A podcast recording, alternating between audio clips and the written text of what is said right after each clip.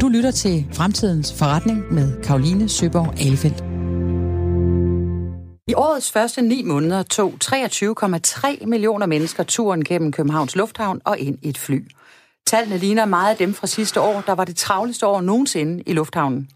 Og tallene er lige så gode i landets næststørste lufthavn, Bilund, der har gang i sit travleste år nogensinde. Hver eneste måned har slået rekord i den midtjyske lufthavn.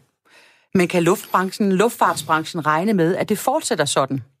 I vores naboland Sverige faldt antallet af rejsende med 11 og 10 procent i juli og august i år, sammenlignet med sidste år.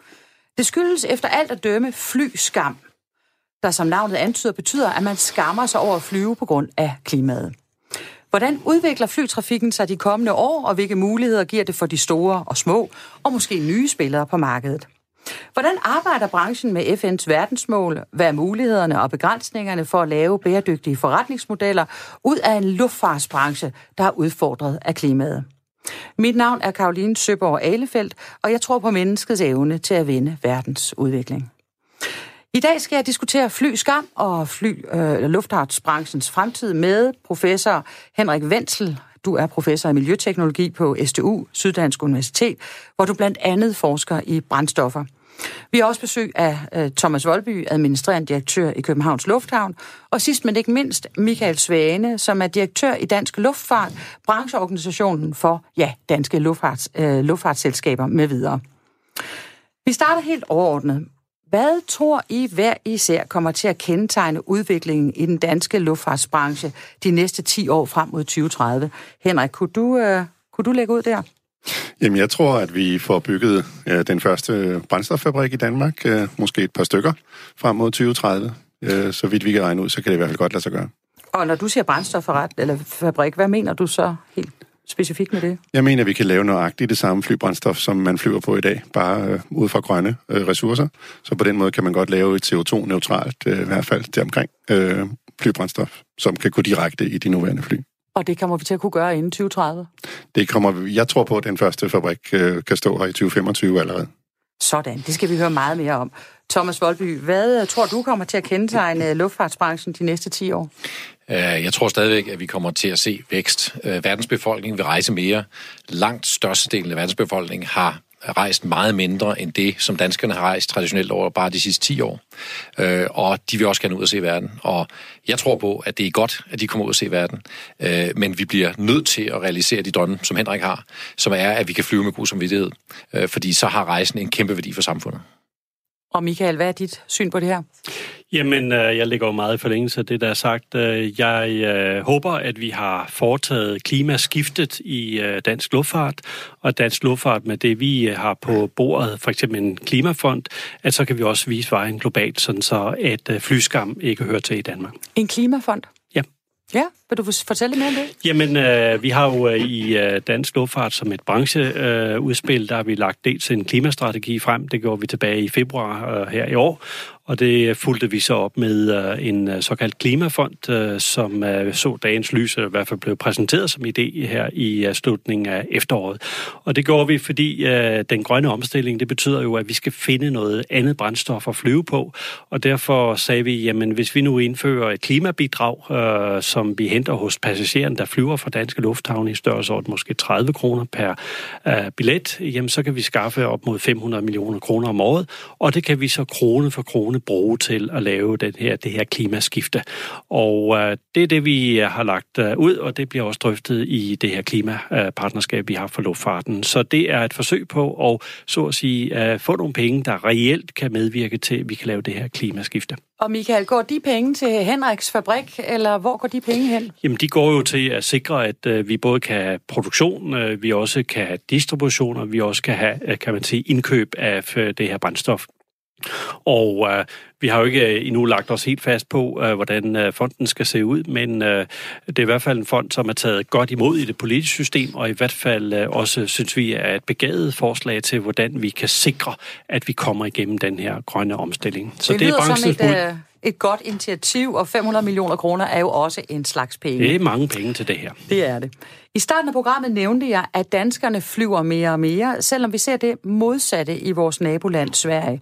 Hvorfor ser vi en stigning i Danmark, når vi ser et fald i Sverige, tror jeg? Nogen, der vil byde ind?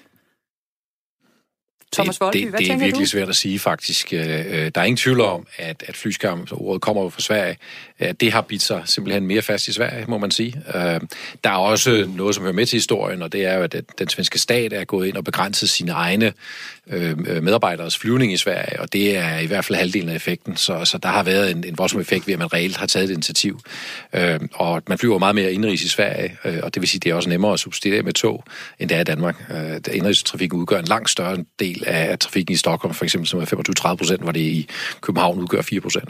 Og det er specielt det, at svenskerne har sat deres flyforbrug ned. Det er rigtigt. Men uh, Thomas, hvad vil det betyde for dansk luftfart, hvis flyskam breder sig på samme måde, som det har gjort i Sverige? Ja, det, er jo, øh, det vil jo være synd for, kan man sige, for luftfarten i den forstand, at øh, så vil man jo se et fald i luftfarten, og som jeg sagde før, så er vi overbevist om, at det at rejse er en god ting. Det er godt for alt fra verdensfreden til kulturel forståelse, til uddannelse, til personlig dannelse, til social mobilitet. Øh, og derfor synes vi, at det vil være synd, hvis man vælger fra rejsen fra.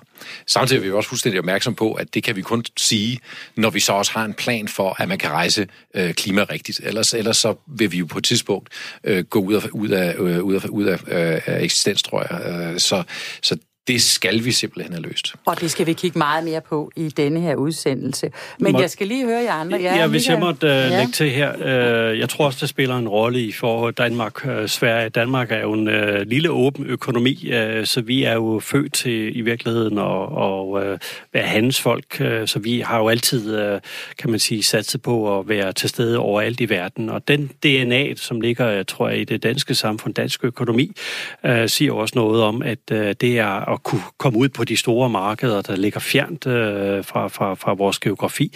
Det spiller en afgørende rolle, og så er det selvfølgelig også klart, at øh, når det går godt i samfundet, jamen så, så, så rejser vi også mere, øh, og øh, der er jo ikke noget problem i at rejse, som Thomas siger, det er jo essensen af, at øh, vi har en verden, øh, hvor vi både kan handle, men også øh, have kulturel øh, udveksling med.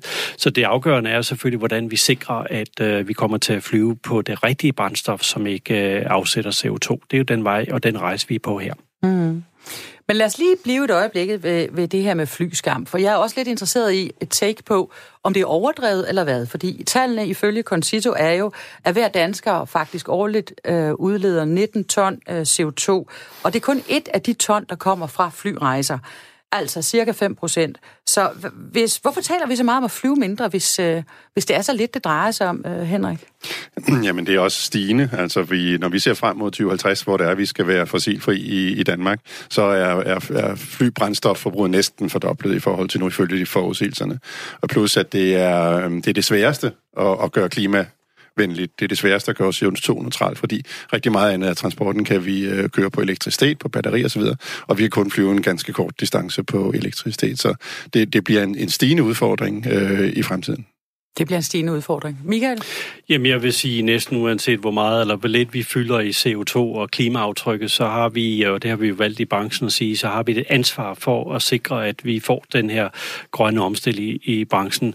Og øh, det er jo heldigvis også sådan, når man taler med passagerer, de analyser, der ligger til grund for det her, det viser jo, at passagererne også øh, gerne vil flyve grønt. Øh, så jeg tror ikke sådan set, at vi kommer til at opleve, at flyskam øh, øh, bider sig fast. Øh, men uanset om det, hvilken holdning man kan have til det, så synes jeg, at vi har valgt at sige øh, helt øh, grundlæggende i branchen, øh, vi har et klimaaftryk, det vil vi gerne gøre noget ved, og det så har vi sat os for at levere løsninger på. Og det gør vi jo sådan set, uanset om folk folk øh, måtte skamme sig eller, eller ej. Øh, det afgørende er, at vi som branche kan levere en løsning, og det er det, vi har sat os for. Henrik? Jamen det største problem omkring øh, flyvning er også, at det er sådan med et, et godt bud, i hvert fald kun 20 procent af verdens befolkning, der nogensinde har været en flyver. Øh, og vi har jo en stor vækst i velstand rundt omkring i verden, hvilket jo er super godt. Og der er mange generationer på vej, som gerne vil det samme som os. Og det vi kan her i Danmark, er måske netop at finde en løsning, som vi øh, kan kopiere, eller som andre lande kan kopiere.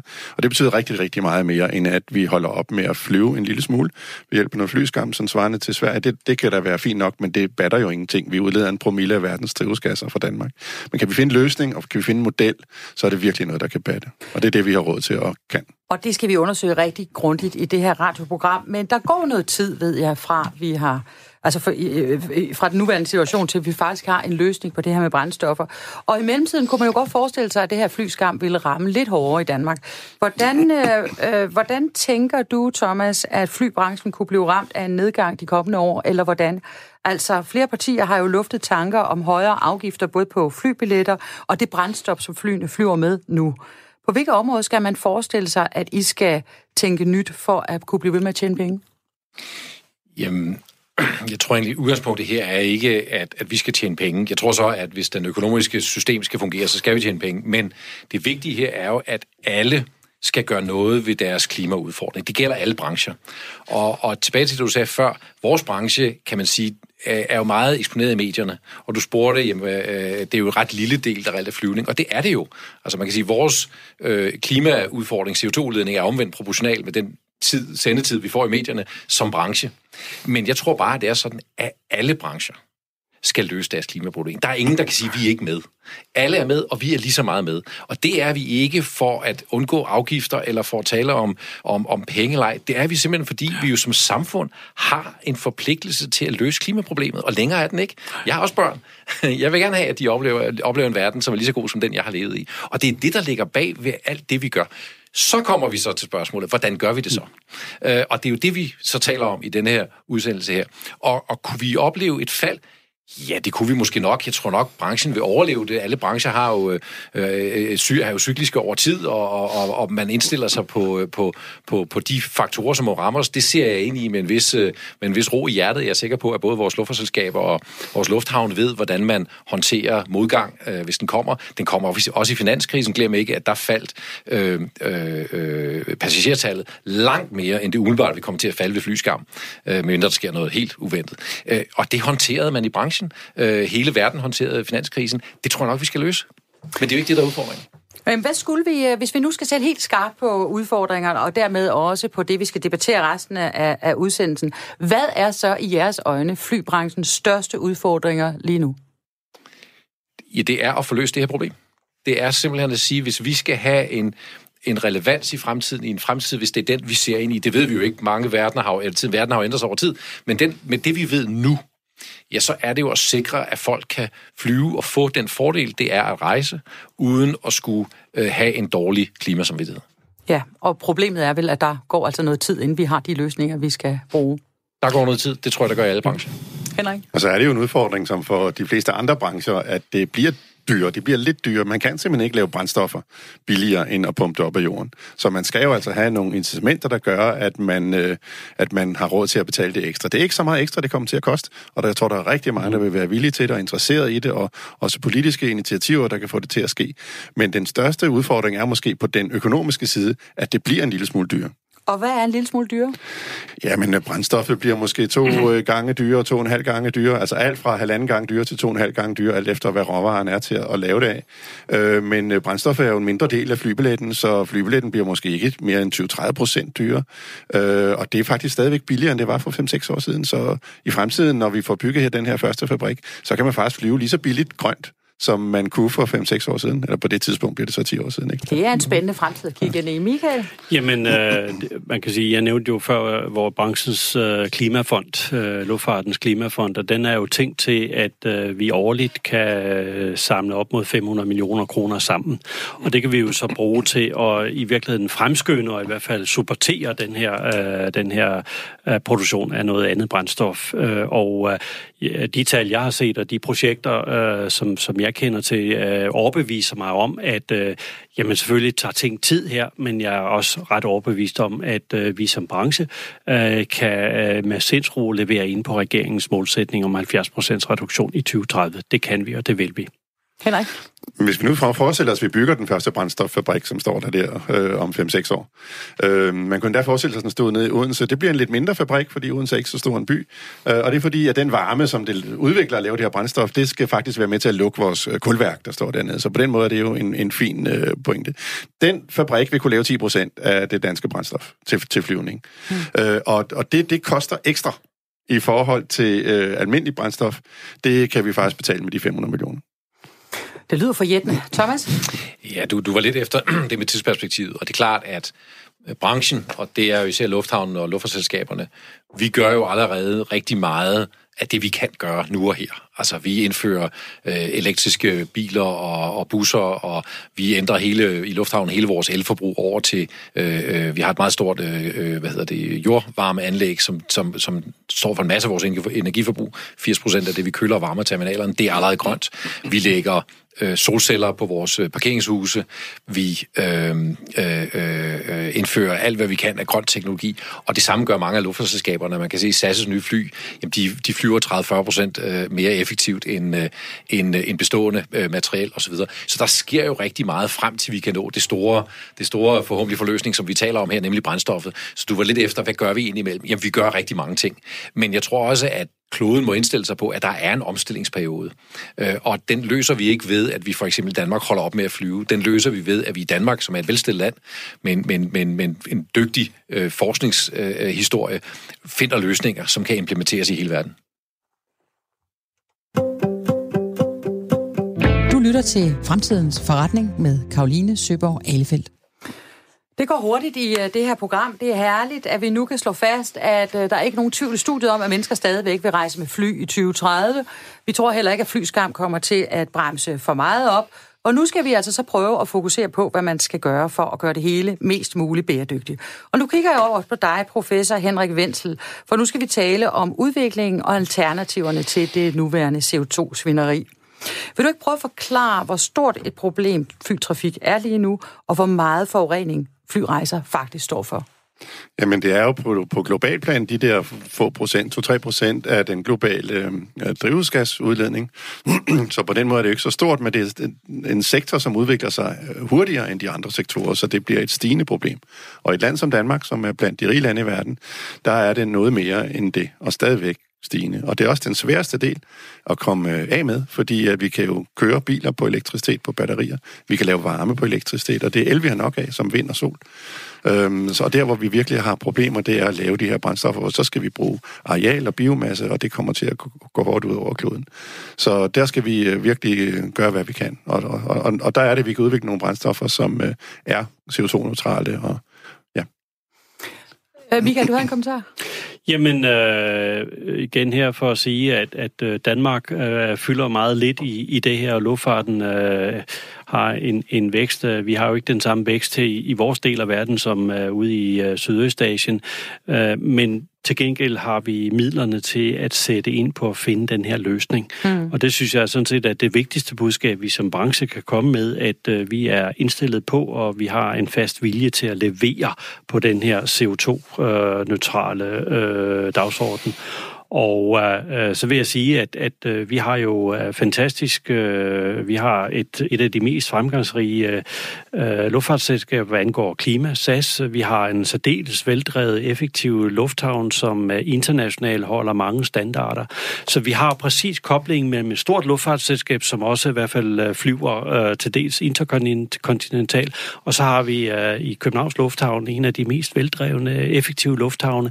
Øh, og den indsats, som både SAS SAS og CPH gør, og Billund og de andre gør, det er jo den indsats, som vi kommer til at stå på skuldrene af i branchen, for så at finde frem til det, øh, det, det hellige, den hellige gral, der hedder det her nye brændstof. Og, og det er jo det, der vi. vi gerne vil prøve at fokusere på, fordi uh, programmet her hedder jo Fremtidens Forretning.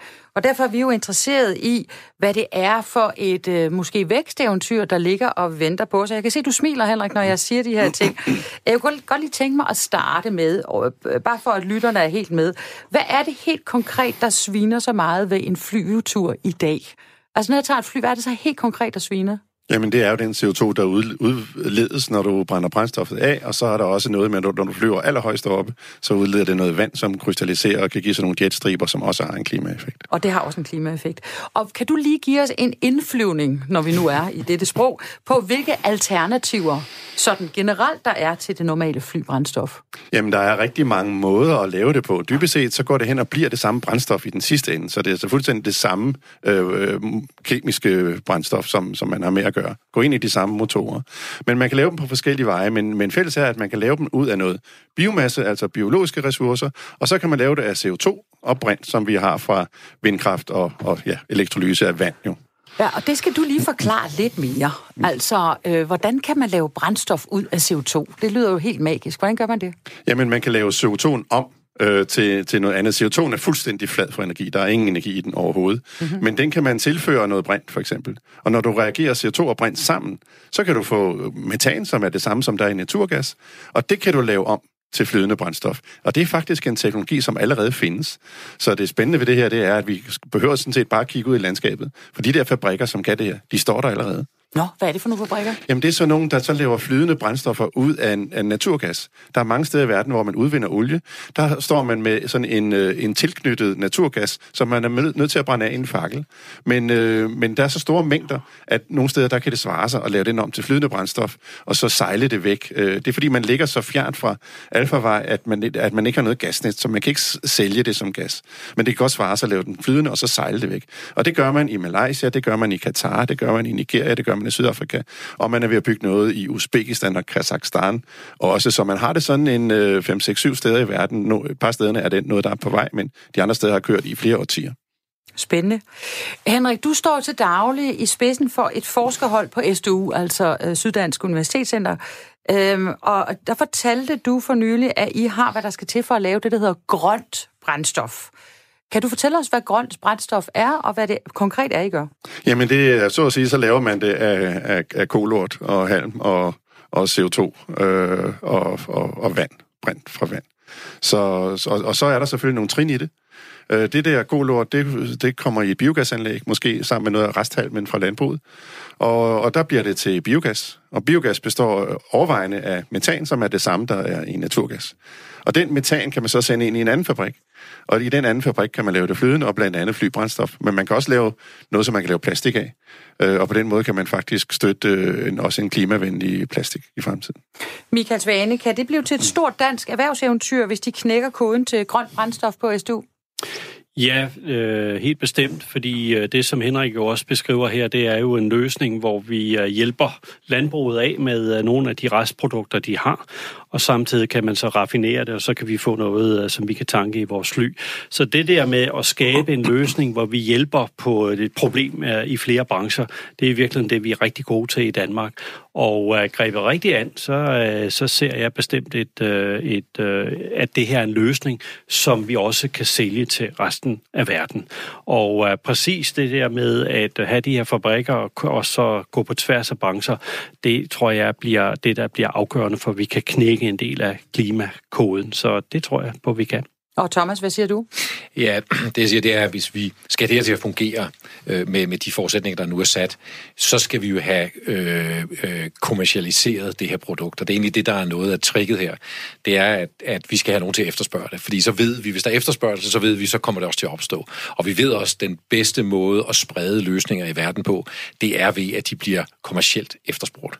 Og, og det er det, som vi blandt andet med den her klimafond gerne vil øh, være med til at sætte i gang. Det er altså, at der bliver en efterspørgsel efter noget, som i første omgang er en lille smule dyrere, eller noget dyrere endda, end det vi har i dag.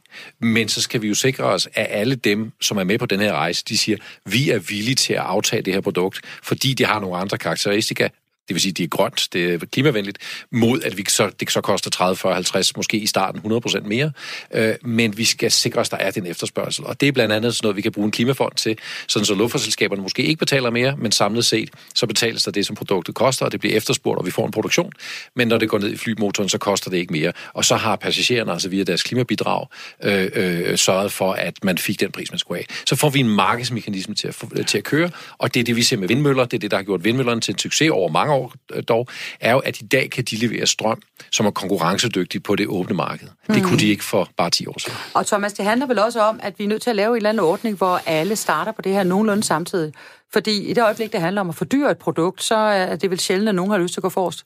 Ja, og der mener vi jo egentlig, at, at der har vi med den her klimafond egentlig fundet en måde at gå forrest på, hvor vi siger, jamen det her det er for stort til, at nogen enkelt virksomhed kan bære byrden, men alle dem, der flyver, vil gerne bære byrden. Og hvis vi så med klimafonden kan sige, at vi investerer ikke nødvendigvis i en fabrik, det kan vi måske få nogle pensionskasser til at gøre, hvis de ved, at der er et afkast ved, at der er en, øh, en, en efterspørgsel efter det her produkt. Og hvis vi så siger til flyselskaberne i København, der kan man altså kun tanke øh, grønt brændstof. I, I starten vil det jo blive en iblanding, men ikke desto mindre. Og det koster x procent mere, men det dækker klimafonden, altså forskel. Henrik, nu kigger jeg lige over på dig, fordi øh, det er jo ikke bare en eller to fabrikker, man skal bygge for at kunne dække øh, det behov, som Thomas har øh, til sine fly ude i lufthavnen. Hvordan, øh, hvad, hvad, hvad kunne planen være for at producere grønt brændstof i stor skala? Der er måske fem fabrikker, man skal bygge i Danmark. Det vil jeg sådan skyde på, det der omkring. Det vil dække det danske behov? Ja, grund til, at Danmark er så fantastisk et sted at bygge de her fabrikker, der er faktisk tre grunde. For det første har vi nok et af verdens bedst fungerende landbrug, jo, som er meget interesseret i at være med i det her, fordi man hjælper landbruget med at komme af med sine klimagasudledninger. Fordi at øh, hvis man hurtigere får sine restprodukter ind i det her, så, så, så undgår man meget store klimagasudledninger, som man ellers ville have haft. Det er den ene side, og man hjælper dem også med bedre gødning og så videre. Man kan lave noget god designergødning ud af, af de her fabrikker også og så videre. Det er den ene side af sagen. Den anden side af sagen er, at i Danmark har vi fjernvarme, og det har vi ikke øh, ret mange andre steder i verden. Så Danmark har sådan en 10-15% økonomisk fordel frem for andre lande, fordi der altid opstår varme fra de her fabrikker. Og det kan vi også betale for, fordi det kan vores fjernvarmeselskaber betale for. Så det gør, at Danmark er det, man kalder et sweet spot, altså et rigtig godt placeringssted. Og for det tredje har vi alt det her vindkraft, og der hjælper den her, den her måde at lave brændstoffer på. Det er faktisk den sidste brik i puslespillet, som får hele det vedvarende energisystem til at gå op. Fordi at øh, man, man aftager vinden, når der er rigtig meget, fordi vi har noget, det der hedder elektrolyse i det her, hvor man altså laver brint, når vi har rigtig meget el fra vinden. Og så lader vi være når der ikke er så meget el fra vinden. Og så den her gas, som vi har i ryggraden af det her system, den kan så gå ind og lave el, når vinden slet ikke blæser. Så på den måde, så er det her en måde også at hjælpe med at lære vinden, som man siger, øh, og som kan støtte den her balancering af, og lad os blive ved det et kort øjeblik, ja. fordi det er jo et problem, som har belastet øh, vindmølleindustrien ja. i mange, mange år, at man ja. faktisk producerer el, som øh, hvis der ikke er behov for det, ja, ja så fiser det faktisk bare ud i den blå luft, for nu at blive ja. i det sprog. Øh, og det siger du altså, du har fundet en anvendelse for her, uden tab. Ja, ja, det kan vi, altså, ved, fordi elektrolysen bliver så fleksibel, at den tager hver gang, der er for meget. Og når der så slet ikke er noget, og der ikke har været noget en uge, jamen så har vi hermed via det her et, et, et gasinfrastruktur baseret på, på grøn gas, som så kan, kan vi sætte ind. Og der kan hele den her flybrændstofproduktion være simpelthen være løsningen på den der elektricitetsbalancering, som det handler om. Henrik, øh, vil vi se dig som forsker på SDU øh, også om fem år, eller er du blevet iværksætter? Jamen, jeg, altså, det, der jeg går allermest op i lige nu, det er at få den her flybrændstoffabrikation øh, til at ske. Øh, gerne et par steder i Danmark. Øh, fordi så, når først vi har den, så, så tror jeg, at, øh, at, at det bliver sådan en dominoeffekt, at der kommer rigtig, rigtig meget som følger det. Hvis jeg må sige en ting mere. Nu er jeg forsker, og derfor vi forskere, vi går jo altid og siger til politikerne, politikerne giver os lige 20 millioner, giver os lige det, så har vi en løsning. Og der har faktisk været, fordi nu synes jeg også, der skal til at ske noget. Der har været en lidt uheldig alliance mellem politikere og forskere i mange år. Jeg måske endda sige 20 år. Fordi så giver man som politiker, så sætter man en grøn milliard af her, og en halv milliard af der, og så videre. Og så har man jo gjort sit. Men en problemstilling her er, at der kommer aldrig til at ske noget med mindre der kommer en efterspørgsel. Fordi at det her, det bliver altid ved med at være dyre. Du kan ikke lave øh, olieprodukter billigere end at pumpe olien op i jorden. Og det er det, vi skal her. Så det vil mhm. altid blive dyrere. Vi kan lave det billigere, hvis vi kan køre på batterier og sådan noget. Men når vi skal bruge de brændstoffer, så bliver det dyrere. Og så kan vi forske nok så meget, at vi kommer aldrig nogensinde til at finde noget, der er billigere. Og det er uheldigt, hvis politikerne siger, nu har jeg gjort mit, og så går der fire år, og så er der alligevel ikke sket noget. Så ligger der det næste produkt i skuffen, som måske godt kunne blive en løsning, hvis ellers er der nogen, der vil til at betale for det. Og det, det synes, jeg, synes jeg, det er så godt ved det her, at nu kommer efterspørgselen. Nu går de store ind. Det er kun luftfarten, det er jo også skibsfarten, Mærsk og de andre. De vil jo alle sammen nu. Og nu kommer den efterspørgsel, og så kommer det væltende. Det er jo sådan, at 90 procent, eller det omkring 94 procent af al forskning i Danmark faktisk ligger hos virksomhederne. Men de forsker jo ikke, før der er en forretning for enden af det. Det er jo klart, det er jo også logisk, sådan skal det være. Så det der med hele tiden at give penge til offentlig forskning, ja, det er selvfølgelig fint nok, og vi får da også noget godt ud af det, men det kommer ikke til at ske noget, før du får men industrien. Du, du taler jo direkte ind i mit hjerte, fordi uh, som sagt, det her det hedder fremtidens forretning, det gør det jo af en årsag. Og nu har du en fantastisk idé, og jeg kan se uh, på de øvrige panelister, at dit uh, grønne brændstof vil blive efterspurgt, og man har også lavet en klimafond med 500 millioner kroner om året, kan jeg forstå, i branchen, i brancheorganisationen. Så uh, hvad er egentlig det, der forhindrer dig i at gå ud og starte det her væksteventyr? Jamen, jeg tror ikke, det er ikke min rolle at starte det her væksteventyr. Det, der Hvis skal være, er det så? Ja, men der skal jo nogle store investorer til. Vi skal finde nogle ejere for det første til det her. Det kan være, det skal være danske Ørsted. Jeg tror ikke, luftfarten går ind og ejer sådan en fabrik. De er gode til at flyve. Øh, øh, men, men der er nogen, der kan det. Måske er det Ørsted, der skal eje det. Måske er det Shell, eller måske er det den danske Halter Topsø øh, sammen med den sydafrikanske Sasol, som for en god uges tid siden gik ud og sagde, at nu har de lavet et partnerskab netop til at lave sådan nogle fabrikker her. Og det kan de. Øh, så, så der skal være en ejer, der går ind. Og først ejeren er der, så tror, og vi har kunderne, der vil aftage det, så skal pensionskasserne nok komme og lægge x procent af, af investeringen, øh, fordi forretningscasen, den, er, den, den ligger klar på forhånd, i og med, at der er nogen, der vil købe det. Thomas, du er øh, forretningsmand om en hals. Øh, hvad, hvad, tænker du, at der ligger et, et forretningseventyr her og venter? Jeg tror, hvis vi gør det rigtigt, og hvis vi kan realisere Henriks vision, så er svaret ja. Altså, hvis vi ser på det forretningseventyr, som vindmøllerne har været, og vi kan ikke lave 100% analogier til vindmølleeventyret, men der er mange analogier i den her proces her, øh, så er der ingen som helst grund til, at det her ikke kunne være et kæmpe forretningseventyr for Danmark. Øh, og hvem skal eje det? Jamen, lidt vil jeg tro, det er som i alle andre forretninger, det er dem, der kommer først, øh, der starter. Øh, jeg synes, øh, øh, som Henrik sagde, så har vi et sweet spot i Danmark, og jeg tror også, vi rent, sam, rent samfundsmæssigt har et sweet spot. Vi har nogle store pensionskasser, som med rette kunne gå ind i nogle af de her investeringer, så længe vi har garanteret et eller andet niveau af, øh, af aftagermængde. Og det er jo det, vi prøver på, og det øh, vil vi jo også samarbejde med de andre brancher om, altså skibsfart og, og, og landtransport, og sige, hvor, hvor, hvor, hvor meget kan vi ligesom garantere. Og så kan man begynde at regne baglæns og sige, hvad kan Ørsted levere strømmen til, øh, og hvad er det så for en investering, vi kigger på. Og det er jo investeringer på mellem 5 og 5 milliarder til at begynde med, og så måske 30, måske 40 milliarder, hvad det er. Det er jo på ingen måde uoverkommelige beløb i en, i en samfundsperspektiv. Nej, det er vel specielt ikke uoverkommelige beløb, når vi lige har haft en Torben Møre, der har stået på øh, FN's øh, generalforsamling. Nu stod han ikke inde i generalforsamlingen, han stod på den danske ambassade, men sammen med vores øh, statsminister og bekendtgjorde, at den danske pensionsbranche jo vil investere 10 procent af den samlede pensionsformue over de næste 10 år, 350 milliarder kroner i grønne øh, investeringer. Det her, det burde jo ligge til øh, højrebenet for, ja. øh, for Torben Møre, eller hvordan? Ja, det har vi også bidt mærke i, og øh, vi er i fuld gang med at, at prøve at varme op under den proces også. Øh, fordi jeg tænker, det vil for Danmark som samfund, på den model, vi har, være en rigtig god løsning. Vi skal bare bruge 10 procent, så... Vi skal bare bruge 10 procent. Og Michael, hvad siger du? Jamen, øh, jeg vil bare sige, nu har vi de her klimapartnerskaber, og et af dem handler om finansiering, og øh, alle os, der sidder med transport, altså landtransporten, luftfarten og søtransporten, jamen vi er jo inviteret til et fælles møde med øh, det klimapartnerskab, som øh, Torben Møre er øh, formand for. Så det, man kan sige, de her drømme og de her visioner, jamen øh, de begynder jo også at få en konkret virkelighed i den forstand, at nu begynder vi at arbejde på tværs af de her klimapartnerskaber. Og øh, jeg er helt sikker på, og jeg kender Torben Møre godt nok til at vide, at øh, det vi har i gang i her i øh, den her sammenhæng, altså grønne brændstoffer, jamen det er øh, noget af det, som øh, en pensionskasse gerne vil kunne investere i. Det er langsigtet, og det er nogle løsninger, som også har et globalt kommersielt sigte. Ja, og som har en stabil indtjening, Præcis. lyder det jo også til. Præcis. Det lyder som om, der er tækket alle boksene i det, der skal til for, at øh, en hvilken forretningsmand vil gå ind, eller kvinde vil gå ind og investere her. Det kræver bare øh, den, den helt store punkt, kan man sige, man skal have frem. Henrik? Der er en pointe mere, at der findes jo grønne i gåsøjne flybrændstoffer på markedet i dag. Men det er sådan nogen, der er lavet af planteolie og den slags, så det ender med, at vi kommer til at efterspørge mere areal øh, på, i konkurrence med fødevareproduktion og så videre. Og, og der, er ikke, der er simpelthen ikke nok af det, og, og det er heller ikke øh, øh, 100% klimavenligt, og det går også hårdt ud over biodiversiteten, som allerede lider af Amazonas brænder og så videre. Så på den måde, så er det første gang, som i hvert fald som jeg har set, at man kommer med virkelig en løsning, som også er tilstrækkelig og som er klimavenlig. Og grunden til, at den er det, det er for det første bruger vi kun biomasse restprodukter fra landbruget, men for det andet, og som er det allervigtigste, så er det en rigtig god vej til at få CO2 oprindt ind. Og vi skal have CO2 og brændt ind. Det er det, der hedder elektrobrændstoffer, eller Power to X, og hvad det alt sammen hedder. Men det er simpelthen fordi, at det nytter ikke noget, at vi tror, at vi skal lave biobrændstoffer. Fordi vi, så skal vi bruge fem planeter. Det har vi ikke. Det går hårdt ud over biodiversiteten Nu skal du simpelthen lige tage os i hånden. Alle ja. dem, der sidder og lytter med på programmet, vi blev lige tabt der. Altså, vi forstår godt... Øh, ja, nu står jeg i studiet og sidder ikke derude og lytter, men jeg forestiller mig lige, at jeg er en lytter. Vi kan godt gå med så langt, som at et landbrug producerer Ja, altså hvis man har kvæg, så kommer der vel øh, øh, nogle restprodukter, som du siger. Hvis man har noget landbrug, så er der jo også nogle restprodukter.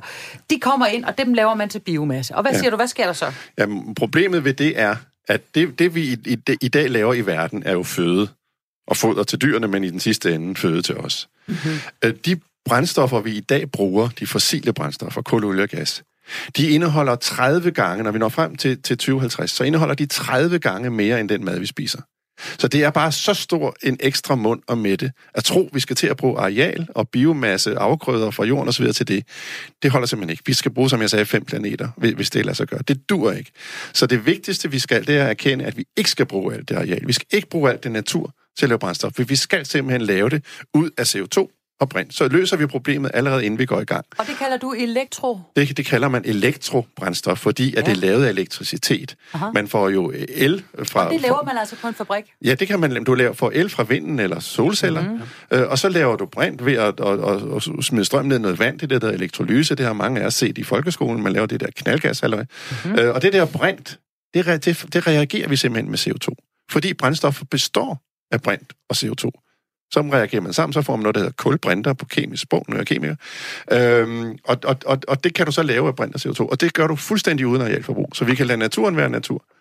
Så på den måde, så gælder det om, at den biomasse, vi bruger, øh, der er nogle biomasser, som det er fornuftigt at bruge, fordi vi hjælper landbruget med det. Men den, vi bruger, det skal vi bruge virkelig effektivt, og vi skal begrænse os til det, som er bæredygtig biomasse. Og derudover, så skal biomasse, måden at lave brændstoffer på ud af biomasse, det skal være godt til at trække CO2 og brint med ind i forløbet. Sådan, Henrik. Jeg synes, du har solgt din case rigtig godt. I sidste uge præsenterede SAS en række nye fly, der flyver på traditionelt flybrændstof, men bruger mindre. Min kollega Lene Jul har talt med Simon Pak Hansen om, hvad det er for nogle fly, som firmaet har præsenteret. Jamen, det har vi, fordi at øh, det, det øh, er, er verdens mest, kan du sige, teknologiske fly, øh, som øh, findes på markedet. Det er et fly, som er tilpasset øh, de operationer, som vi skal udføre i, i vores langdistanceforretning i SAS og det er fly, som har en udledning, som er cirka 30 procent lavere end de fly, vi så faser ud samtidig med, at vi får de her leverancer. I skriver i jeres øh, pressemeddelelse, at det er helt unikt, og det er et symbol for, at bæredygtigheden øh, og en konkurrencedygtig fremtid af flyet sænker øh, CO2-udledningen med 30 procent, som du lige siger her. Men 30 procent er 30 procent, men er det nok?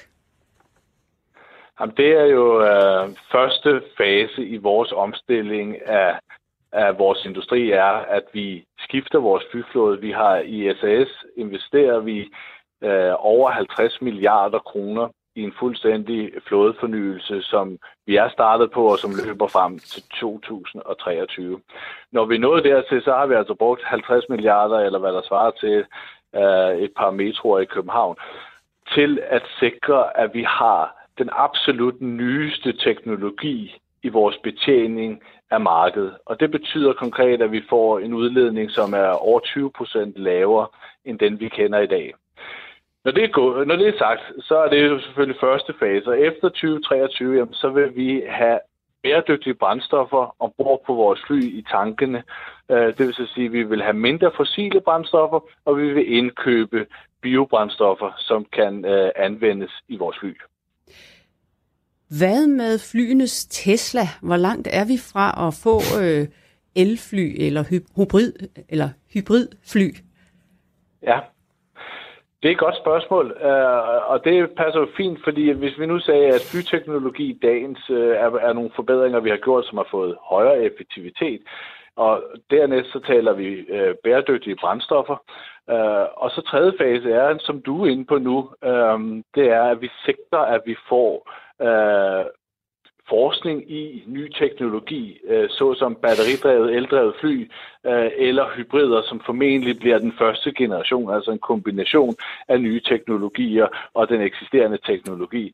Og der er SAS i dialog med Airbus øh, om netop øh, studier, der skal anskueliggøre, hvilke teknologier kan være relevante at kigge ind i. Og der, der er der nogle interessante diskussioner, som pågår nu, og vi har ikke den, den endelige rapport fra, fra Airbus på, hvad er deres bud, både på øh, hvilke hybridmodeller kan være relevante, eller hvornår de kan være i trafik. Men vi forventer, at der kommer noget inden for en overskuelig periode, der siger noget om, hvad er tidshorisonten i det her her. Og vi taler måske 2035 eller lignende, hvor man kan tænke sig hybridfly, der flyver på en blanding af øh, el eller brint, øh, og, og så de fossile brændstoffer, vi kender i dag. Så det bliver ikke lige i morgen, men 2035 er det din vurdering? Nej, det, øh, det bliver ikke i morgen, og det handler jo også om, at, øh, at de, øh, teknologien skal på plads, og til, kan du sige, tung øh, tung transport, øh, som, som, som fly må, flydrift må, må sige sig være, jamen der, der kræver det nogle batteristørrelser, øh, som gør flyet endnu tungere, og som modvirker, kan du sige, selve det, at du gerne vil øh, kunne, kunne drive det her på batterier. Og der, den teknologi er simpelthen ikke forfinet nok i dag.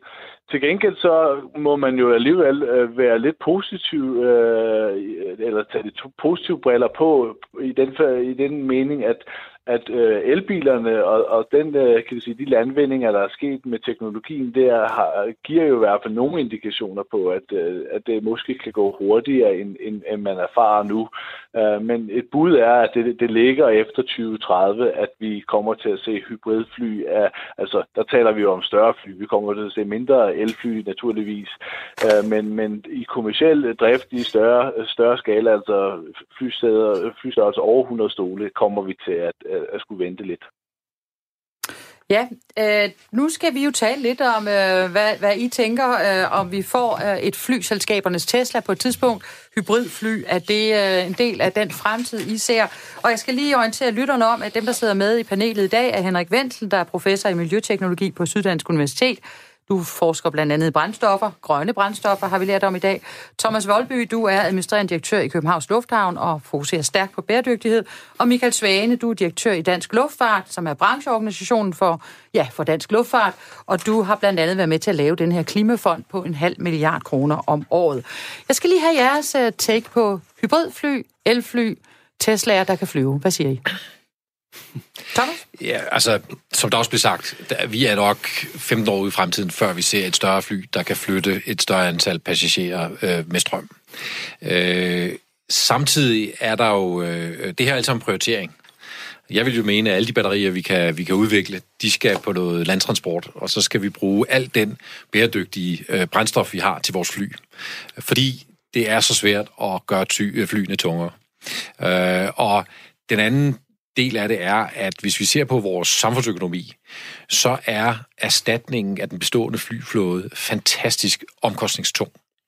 Og derfor er det meget mere økonomisk for os alle sammen, hvis vi kan fremstille nogle øh, brændstoffer og kaste alle pengene efter det, som faktisk kan gå i de bestående flymotorer. Det er jo sådan i dag, at man kan iblande 50% biobrændsel. Der er ingen grund til, at det ikke også kunne være e-fuel i bestående, på bestående motorer. Det vil sige, at de bestående fly skal ikke skiftes ud. Hvis man skal skifte hele flyflåden, så tager det med en normal udskiftning 40 år for at udskifte flyflåden, og det koster rigtig, rigtig mange penge. Så vi skal bruge vores ressourcer der, hvor de bliver brugt bedst. Det lyder som om Henriks business case i øjeblikket er den vindende. Ja. Michael Svane? Jamen, øh, det er det. Altså, øh, jeg tror ikke, øh, nogen her ved bordet her kan sige, hvornår vi får hybridfly i, ude i den store kommercielle drift, som øh, Simon øh, Pauk Hansen også nævnte. Øh, til gengæld ved vi, at øh, det vi kan gøre noget ved, det er at kigge på det brændstof, som øh, vi har brug for øh, til at flyve med øh, i flyverne. Og øh, det er klart, at den teknologiske udvikling er jo en del af et, øh, et klimaspor, men øh, der, hvor jeg tror, vi også er fuldstændig enige med Thomas i, det er at koncentrere kræfterne det er på at finde noget andet brændstof. Og det, man skal huske på, det er, altså Danmark er jo ikke et sted, hvor vi producerer øh, fly. Øh, derimod øh, den løsning, som Henrik har præsenteret, og vores klimafond for luftfarten, jamen det er jo præcis der, hvor vi kan sætte ind og vise, at vi har en dansk løsning, øh, som ikke behøver at betyde, at vi skal ud og bygge nye fly her. Ja, så skal man ikke glemme, at, øh, at, at, at elektricitet kræver en stor infrastruktur. Altså hvis man skal lade et fly op, så skal vi i lufthavnen jo lave nogle opladningsfaciliteter. Det vil vi sådan set rigtig gerne. Men er det den bedste investering, vi kan lave? Vi skal hele tiden kigge på, hvordan vi som samfund optimerer vores klimaressourcer. Og i dag er der vist nok 5% bioetanol i, i brændstof på vejene. Det burde vi få i flyene, og så burde vi elektrificere bilerne. Sådan. Lytter til Fremtidens Forretning med Karoline Søborg Alefeldt. I denne her del af programmet skal vi tale om, hvad det er, vi skal nå inden 2030 ifølge FN's bæredygtighedsmål, men også hvad vi kan nå, hvis vi virkelig strammer os an. Hvad skal jeres branche, altså luftfartsbranchen, nå inden 2030? Nogen, der har lyst til at lægge ud? Michael? Jamen, øh, vi har jo skrevet under på, at øh, i dansk øh, verden øh, i hvert fald, at øh, vi bakker op om regeringens målsætning om at reducere øh, drivhusgasser med 70 procent op til 2030. Øh, noget af det, vi øh, kigger på, det er selvfølgelig, hvad kan vi gøre ved indrigsluftfarten? Det er en relativt lille del af øh, den samlede luftfart. Øh, det vi så kigger på, det er, øh, hvordan kan vi så øh, være med til at reducere CO2-udslippet øh, fra, øh, fra, fra dansk luftfart. Og der har vi lagt en strategi, der hedder i dansk luftfart, at der kan vi reducere dansk luftfarts øh, CO2-udslip med øh, 30 procent fra 2030. Så, øh, så vi kan tage en stor del af det, øh, indrigsluftfarten, som er det, der tæller med i det danske CO2-regnskab, øh, det øh, anser jeg som helt øh, liggende inden for, at det kan vi levere på op til 2030. Sådan. Thomas, hvad skal du nå ude i lufthavnen inden 2030? Vi har jo sagt en klimastrategi, hvor vi har sagt, at i år skal vi være neutrale. Det er vi i år ved at købe øh, det, man kalder offsets. Så har vi sagt, at i 2030 skal vi som lufthavn være emissionsfri øh, og så skal luftfarten i 2050 være emissionsfri. Og det var det, Michael talte om, og jeg tror, at der er en omstillingsperiode, som kommer til at vare de næste 5-10 år, altså op mod 2030. Derefter tror jeg personligt, vi kan accelerere, og vi først har et system, der virker, så kan vi accelerere øh, og skalere produktionen ret kraftigt. Men som sagt, som virksomhed har vi jo sagt, at 2030, der skal lufthavnen være emissionsfri. Og der er et stykke vej endnu dertil, altså at det vil sige, at hele vores drift, ikke flyene, men alt andet, skal være emissionsfrit. Men det vil dog også give et hak i den samlede CO2-udledning. Og det er realistisk at nå, tænker du? Det mener jeg, det er. Det er godt. Henrik? Allerede 2025, der kan vi lave brændstof nok til den danske indrigstrafik og mere til. Og så er der den øh, spin-off-effekt, den, den øh, added value på det her, det er, at sammen med flybrændstoffet, der kan man ikke undgå at lave nogle andre brændstoffer, som vores lastbiler måske kan køre på, eller vores skib kan sejle på, og noget, noget råvarer til plastikproduktion, så vi kan også lave en øh, CO2-neutral plastik ud af det. Altså, det er jo sjældent, jeg står i den situation, at øh, man nærmest er foran FN's øh, bæredygtighedsmål, og det kan jeg jo høre, at øh, I er faktisk rigtig gode til at tale sammen i luftfartsbranchen i Danmark, og se, hvordan kan man i fællesskab løse de her problemer.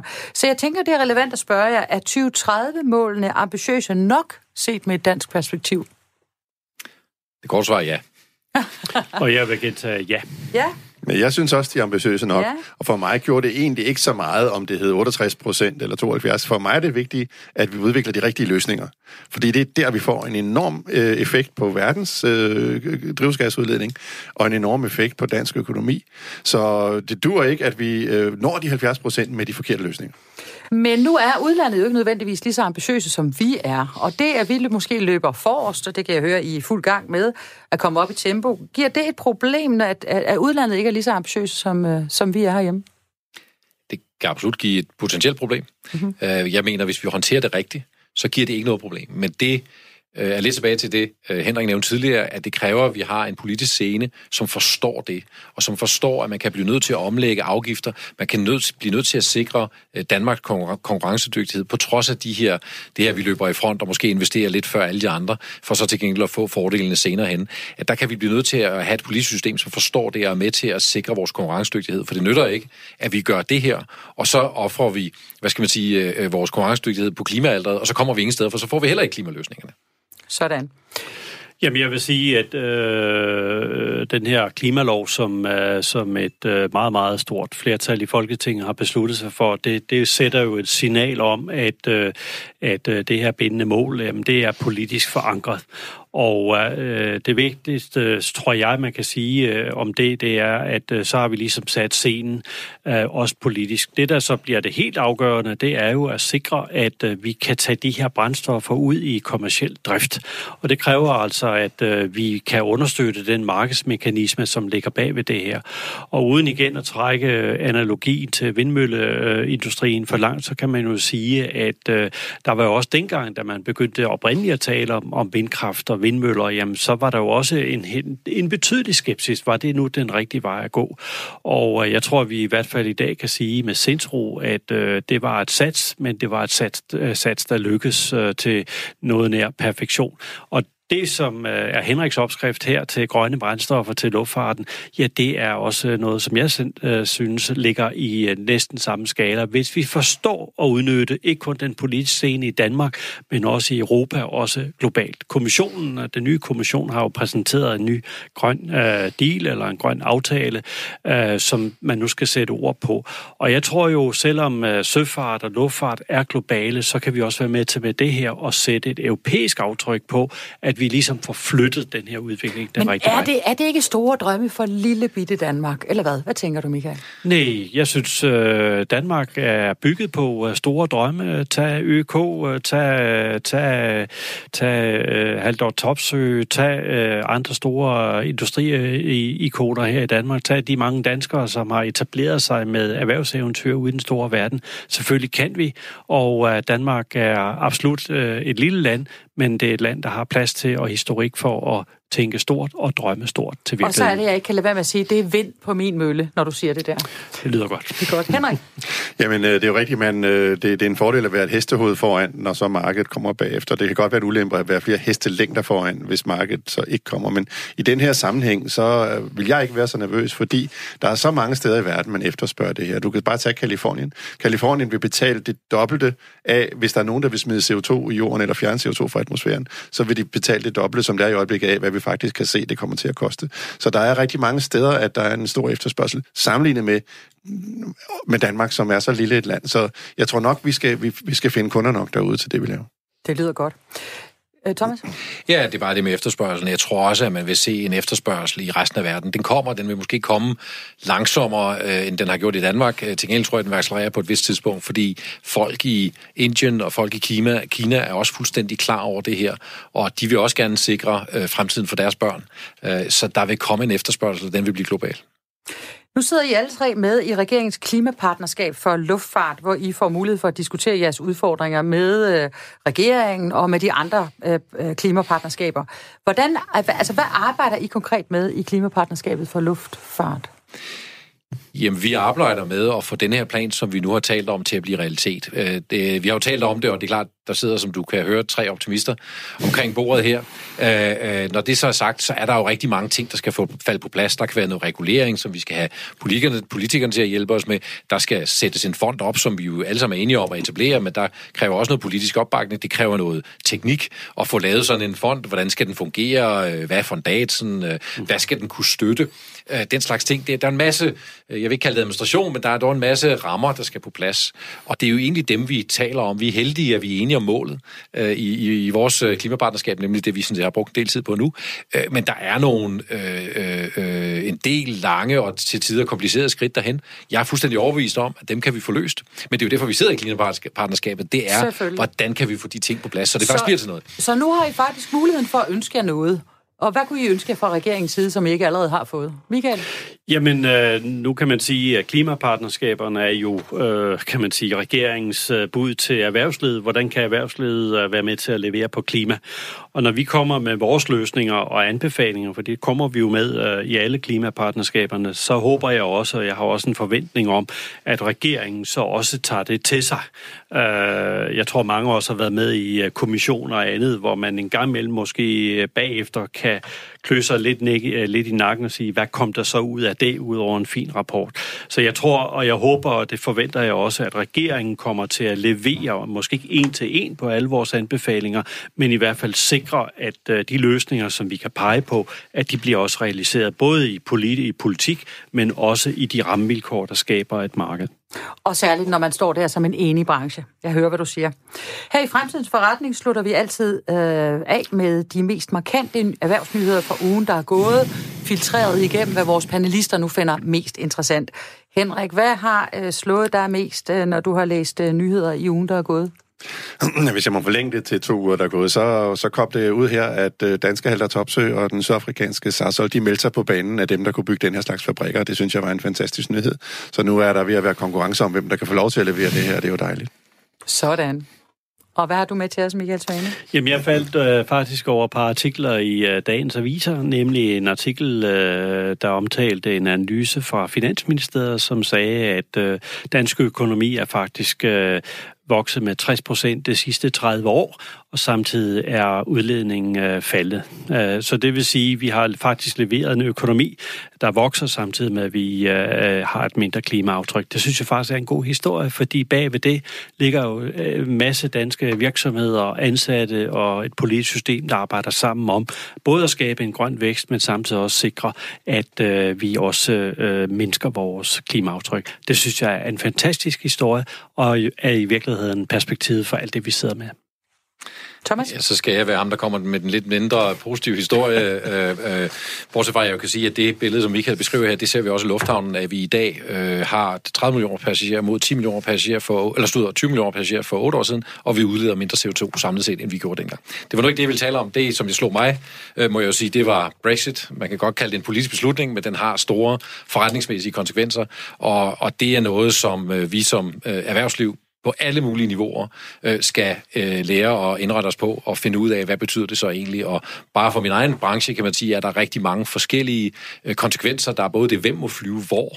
Øh, det giver ikke sig selv. Det lyder sådan lidt, måske lidt, lidt gammeldags, men det er sådan, at øh, luftfarten er ikke styret af det, der hedder WTO, altså World Trade Organization, som man falder tilbage på alle mulige aftaler fra 60'erne, for eksempel. Øh, det kan blive rigtig kompliceret. Hvem må rejse ind i hvilket land med hvilket pas? Øh, så der er rigtig meget for erhvervslivet det her. Og med disse tre historier slutter vi fremtidens forretning for i dag. Tak til mine gæster. Programmet kan genhøres i aften kl. 19.04 eller 19.05 her på Radio 4 eller på podcast, og ellers er jeg tilbage på næste torsdag med et nyt program, der stiller skarp på erhvervslivets arbejde med FN's verdensmål for bæredygtig udvikling. Mit navn er Karoline Søborg Alefeldt. I redaktionen er Rasmus Søgaard og Lene Jul. Tak for i dag.